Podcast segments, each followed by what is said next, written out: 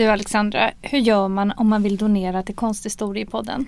Jo, då går man in på vår Instagram-sida och så går man in på länk i bio och där finns det en knapp som heter Ge en slant till Konsthistoriepodden och den klickar man på.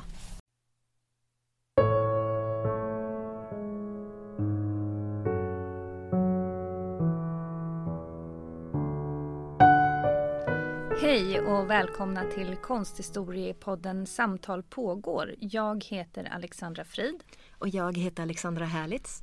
Och idag ska vi alltså ha en sån här podd då vi eh, berättar lite mer om våra personliga ingångar till konstverket och varför vi valde det. Och detta samtal handlar ju då om senaste poddavsnittet om Judy Chicagos The Dinner Party. Och det här konstverket i motsatsen till mig så har ju du sett det på Brooklyn Museum och du har ju också en personlig berättelse om den, det här konstverket. Ja just det. det är ju så här, jag studerade ju i USA på 90-talet och början av 2000-talet. Då var i och för sig verket, då visades faktiskt inte verket. Utan det är ju eh, senare. Eh, men däremot så studerade jag med eh, en professor som heter Gail, eller som heter Gail Levin. Som ehm, har skrivit eh, biografin eh, Becoming Judy Chicago. Mm. Ehm, och därför så så sommaren 1997 när jag gjorde ett, eh, skrev ett självständigt arbete i konsthistoria som det heter. Det handlade om feministisk konst. Så fick jag följa med och intervjua Miriam Shapiro. Hon som var med och startade det här feministiska konstprogrammet på, i Kalifornien Tillsammans med Judy Chicago. Ja. Eh, och då fick jag jag följa med Gail för Gail skulle nämligen skriva en biografi om Miriam Shapiro var det tänkt. Eh, och eh, så det var ju en otrolig möjlighet att få följa med och lyssna på när hon arbetade. Ehm, och jag fick också ställa mina egna frågor. Vad kul! Vill jag minnas. Ja, jo. Det var väldigt spännande. Minns du frågorna? Nej. Nej, det minns jag inte. Nej. Jag minns att jag hade två frågor som jag hade förberett och den ena var kanske för generell, vilket Miriam Shapiro fnös åt, kommer jag ihåg. eh, och den andra frågan var var lite mer komplex då. Då tog hon sig tid att svara väldigt grundligt på den frågan. Det vill jag minnas men jag kommer inte ihåg hur de löd. Det gör Nej. jag inte. Faktiskt. Men under det här arbetet då så Gail skulle ju skriva den här biografin om Miriam Shapiro så mm, jag vet inte exakt vad det var som hände men av någon anledning så tog projektet en annan form och vad det skulle bli blev istället då Becoming Judy Chicago. Alltså hon bytte eh, ämne från Miriam till Judy. Så hon skrev Judy Chicagos biografi då? Precis, mm. exakt. Ja. Ja, precis. Så att den här typen av konst var ju helt självklar i min utbildning. Men jag vet ju, på grund av, vi har ju pratat om det här jättemycket och Alexandra, din, ja. under, eh, din utbildning Alltså, jag kan inte säga att vi pratade särskilt om feministisk konst under min utbildning i Tyskland och jag har ändå läst på tre olika lärosäten. Men egentligen mina första riktiga, eller vad ska man säga, större erfarenheter med feministisk konst eh, gjorde jag i, eh, i Sverige när jag hade flyttat till Göteborg och hade börjat som museipedagog på Göteborgs konstmuseum.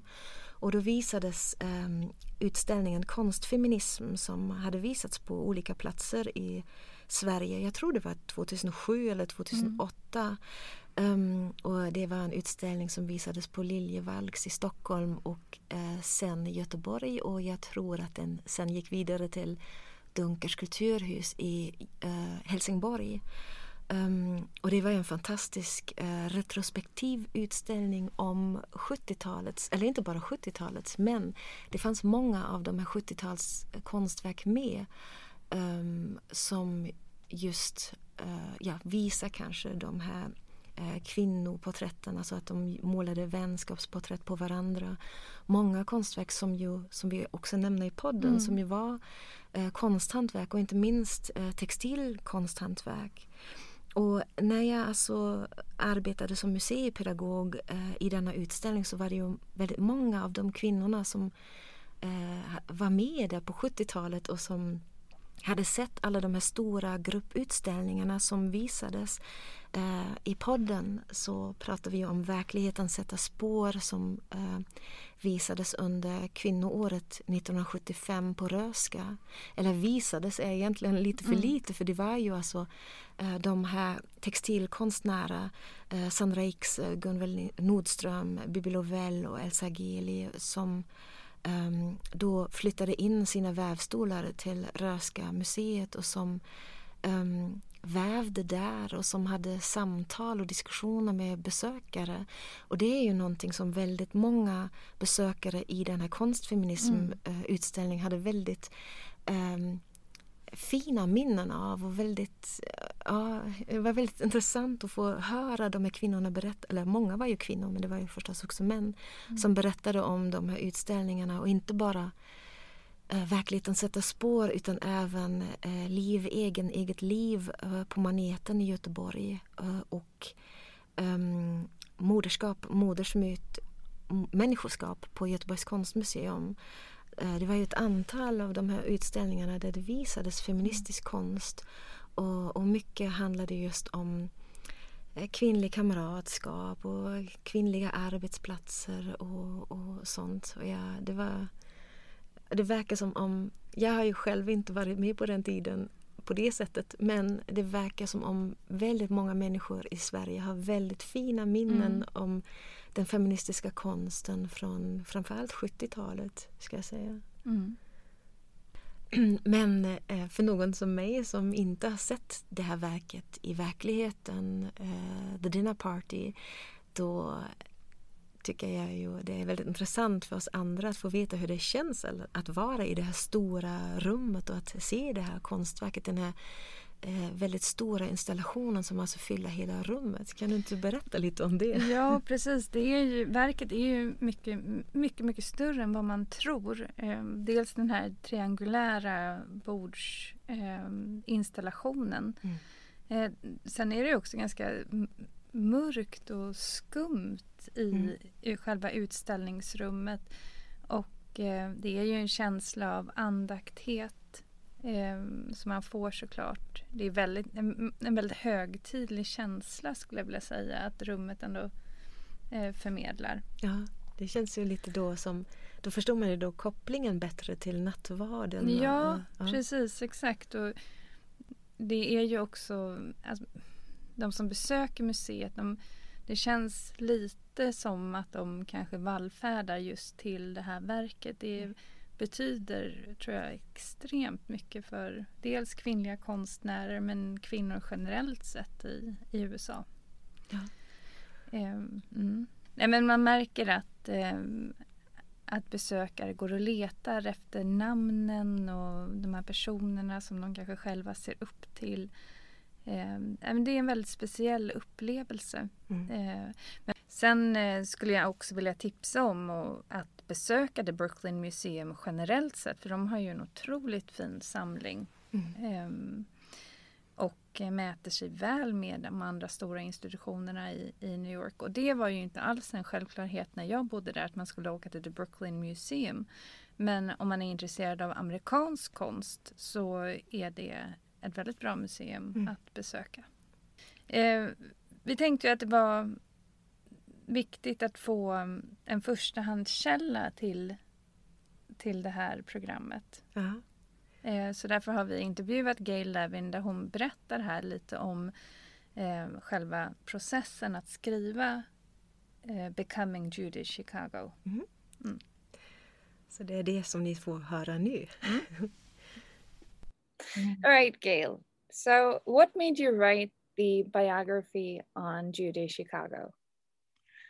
Well, it's a bit of a long answer, but I wrote a first biography on the American artist Edward Hopper.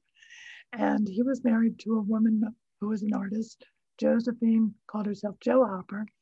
And I was invited to the Whitney and when I was just 28 um, to work on, to create to um, a catalog raisonné of Edward Hopper. And there were these paintings that came with the, um, Mrs. Hopper's bequest to the museum, and I didn't know if they were by Edward Hopper or by Jo Hopper because they were unsigned. So I'm looking for her art, her canvases, which she bequeathed to the museum. And it turned out the museum had discarded all of her stretch canvases and some of her watercolors. And um, I put that in the biography and I reproduced some of the photographs, professional photographs of her lost work. And of course, I was interviewed, I was on radio and television, and even some women attacked me for including Mrs. Hopper's work in Edward's biography. Now she has been written into art history. But then, which was 1995, it was very different. And I was incensed by this response.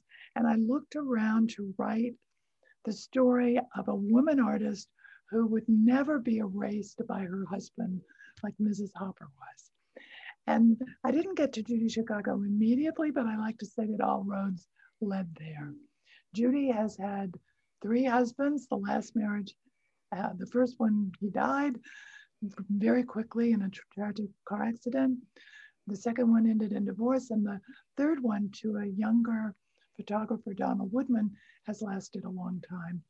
But um, Judy, when they married, this last marriage was the more famous artist, and she hasn't been erased. So I think I, I got the artist that I was looking for in Judy Chicago. I have to say, she's really never disappointed me in terms of her commitment to what she said she stood for. She's been consistent. Okay, so let's move on to talk a little bit more about the dinner party. And we would like to know a little bit more about the Jew Jewish Seder and how it's related to the dinner party. Yeah, so Judy Chicago was born Judith Sylvia Cohen in Chicago. And she got her name changed because people in Los Angeles, where she went to college, used to call her Judy from Chicago because she had a big Chicago Midwestern accent.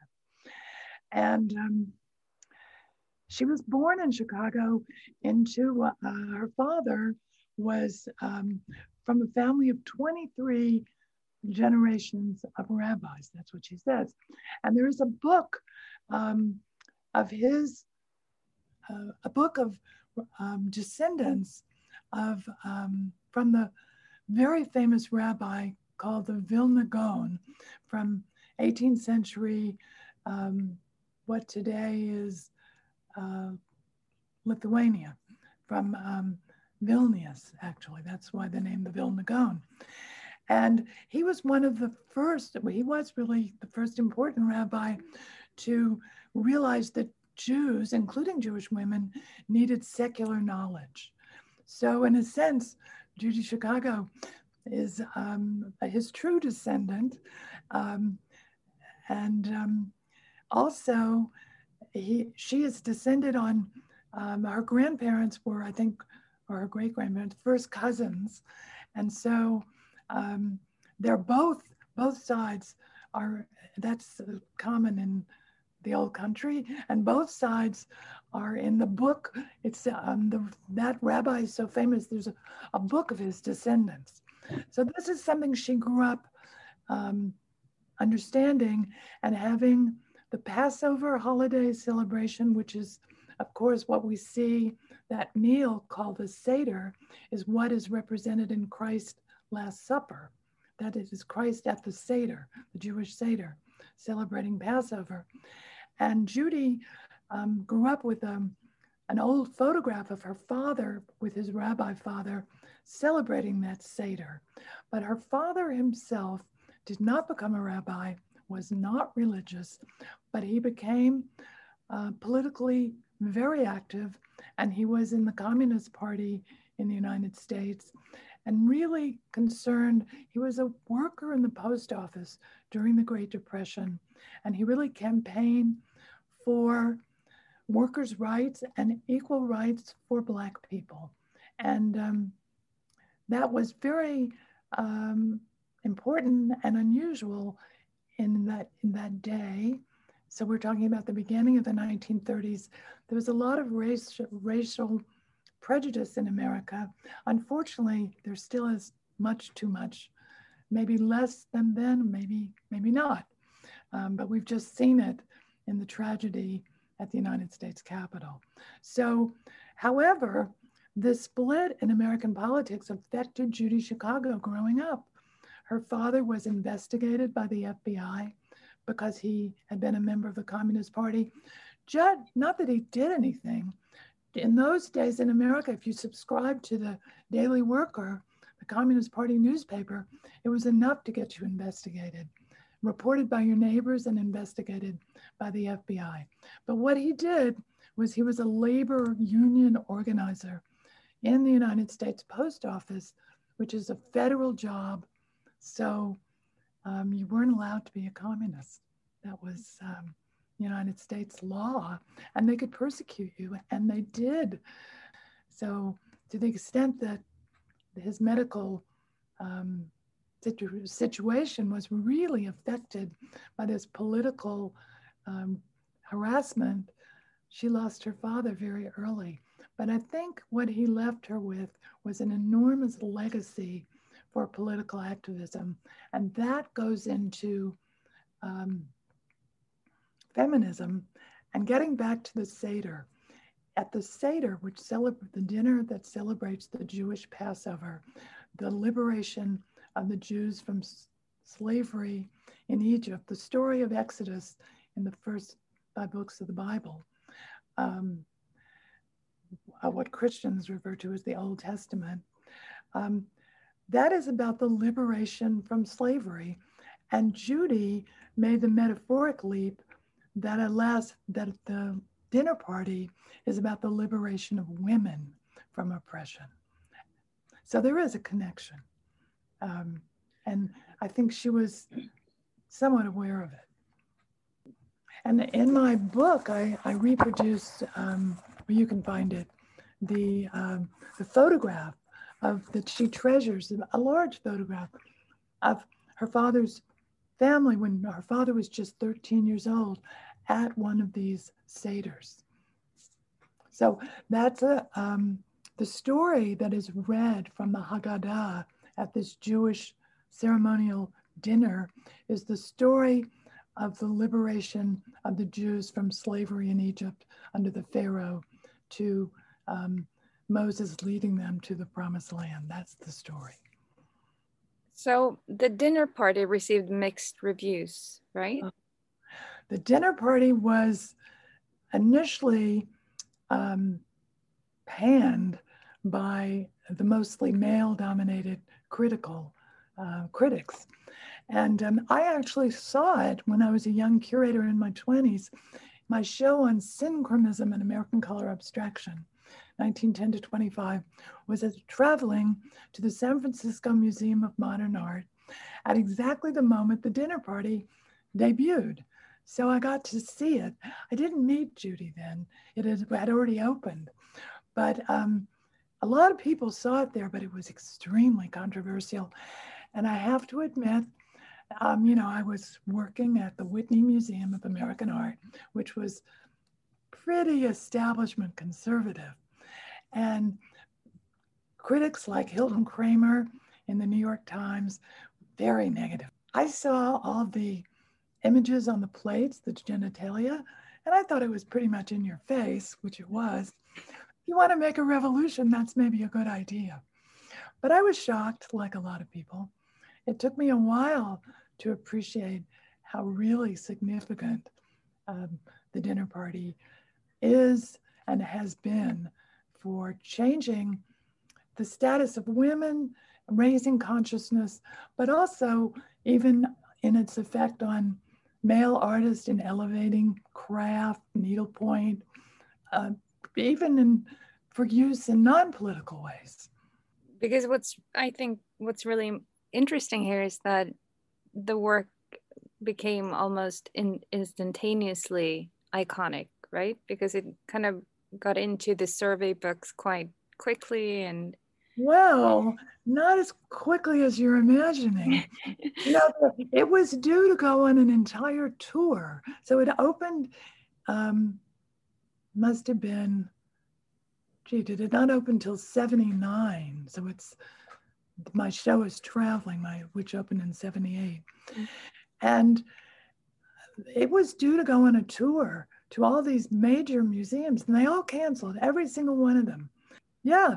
So the first visit of the dinner party, and finally, um, the Brooklyn Museum, after deliberating for about a year, decides to, when very influenced by a lot of major, not feminist artists, but feminists and their money, some Rockefeller money.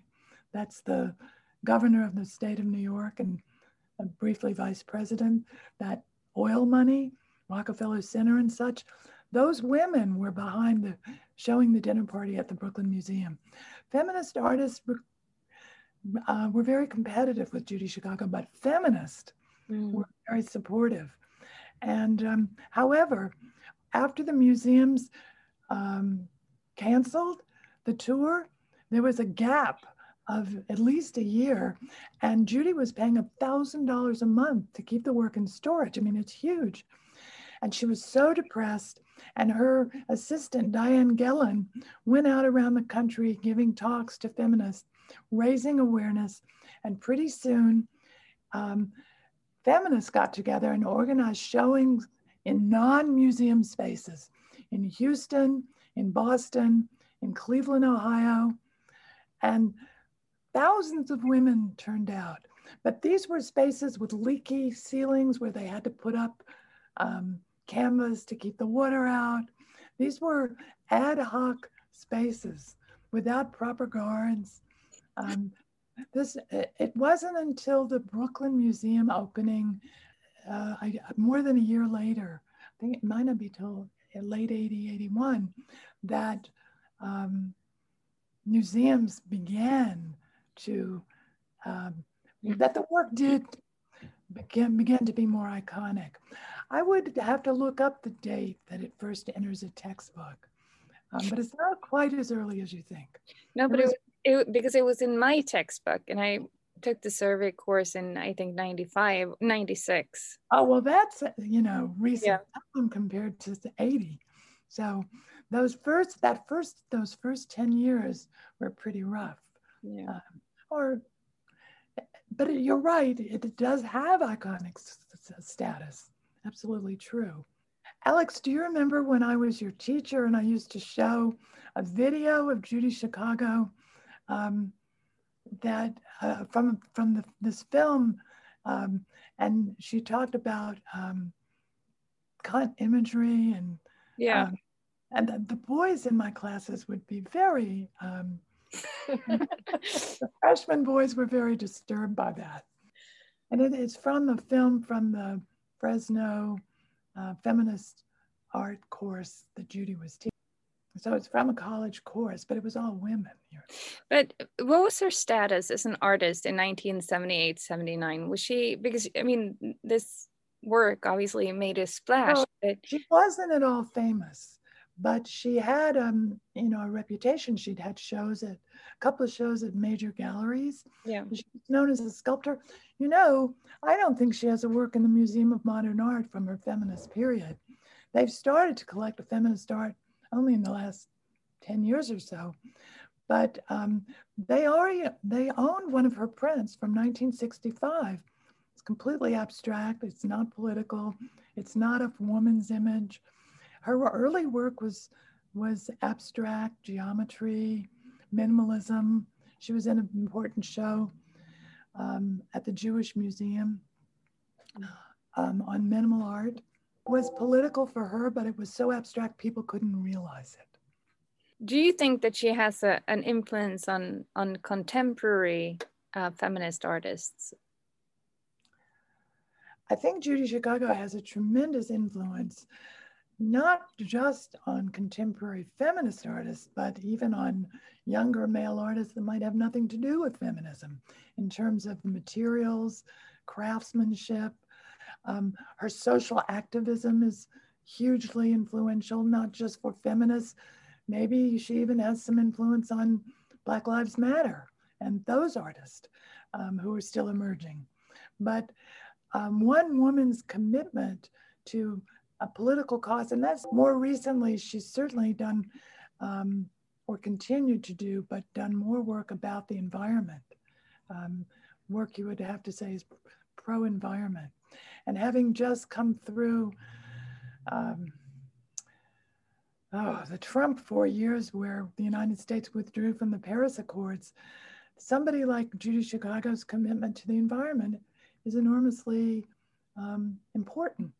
So those activists that she represents and that she inspires keep those issues alive for the public, even as um, retro politicians try to um, turn the clock back.